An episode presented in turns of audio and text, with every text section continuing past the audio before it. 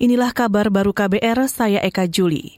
Saudara Presiden Joko Widodo kembali mendatangi pasar tradisional untuk memantau harga-harga pangan. Hari ini Jokowi mengunjungi pasar air Madidi di Minahasa Utara, Sulawesi Utara. Presiden Jokowi mengatakan ia ingin memastikan harga sembako stabil dan inflasi terkendali. Iya, saya ngeceki harga-harga uh, utamanya harga sembako, beras, minyak. Saya kira di, di Sulawesi Utara kondisinya stabil, inflasi juga sangat terjaga di angka 4 persen di kota Manado dan sekitarnya saya kira sangat baik. Itu tadi Presiden Joko Widodo. Selain mengecek harga sembako di Pasar Air Madidi, Minahasa Utara, Jokowi juga membagikan bantuan sosial sembako dan bantuan tunai untuk para pedagang. Sebelumnya, Presiden Jokowi meminta para kepala daerah sering-sering turun ke lapangan untuk memantau harga pangan.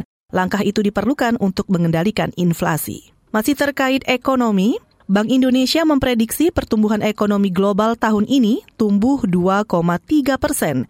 Angka ini turun 0,3 poin dari prediksi sebelumnya. Gubernur Bank Indonesia Peri Warjio mengatakan, prediksi itu ditetapkan dengan mempertimbangkan gejolak global yang masih terjadi serta adanya potensi resesi di sejumlah negara maju menjadi 2,3 persen dari perakiraan sebelumnya sebesar 2,6 persen. Tekanan inflasi global terindikasi mulai berkurang sejalan dengan melambatnya pertumbuhan ekonomi global tersebut meskipun tetap di level tinggi seiring dengan masih tingginya harga energi dan pangan global, berlanjutnya gangguan rantai pasokan, dan masih ketatnya pasar tenaga kerja terutama di Amerika Serikat dan Eropa.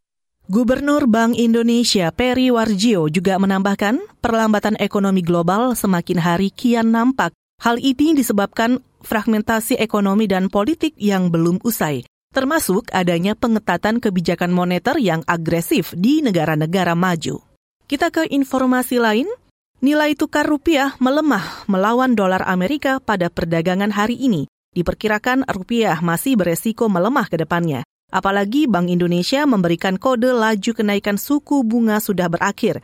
Melansir data definitif, rupiah mengakhiri perdagangan hari ini di 15.100 per dolar Amerika atau melemah 0,1 persen di pasar spot. Pasar bereaksi terhadap hasil rapat Dewan Gubernur Bank Indonesia yang memutuskan menaikkan suku bunga Bank Indonesia 7 days repo sebesar 25 basis poin menjadi 5,75 persen. Suku bunga deposit facility sebesar 5% dan suku bunga lending facility ada di 6,50%. Hasil rapat Dewan Gubernur Bank Indonesia itu juga membuat indeks harga saham gabungan langsung menguat. Setengah jam sebelum penutupan perdagangan hari ini, IHSG melompat 49 poin atau setara 0,73 persen ke level 6.815.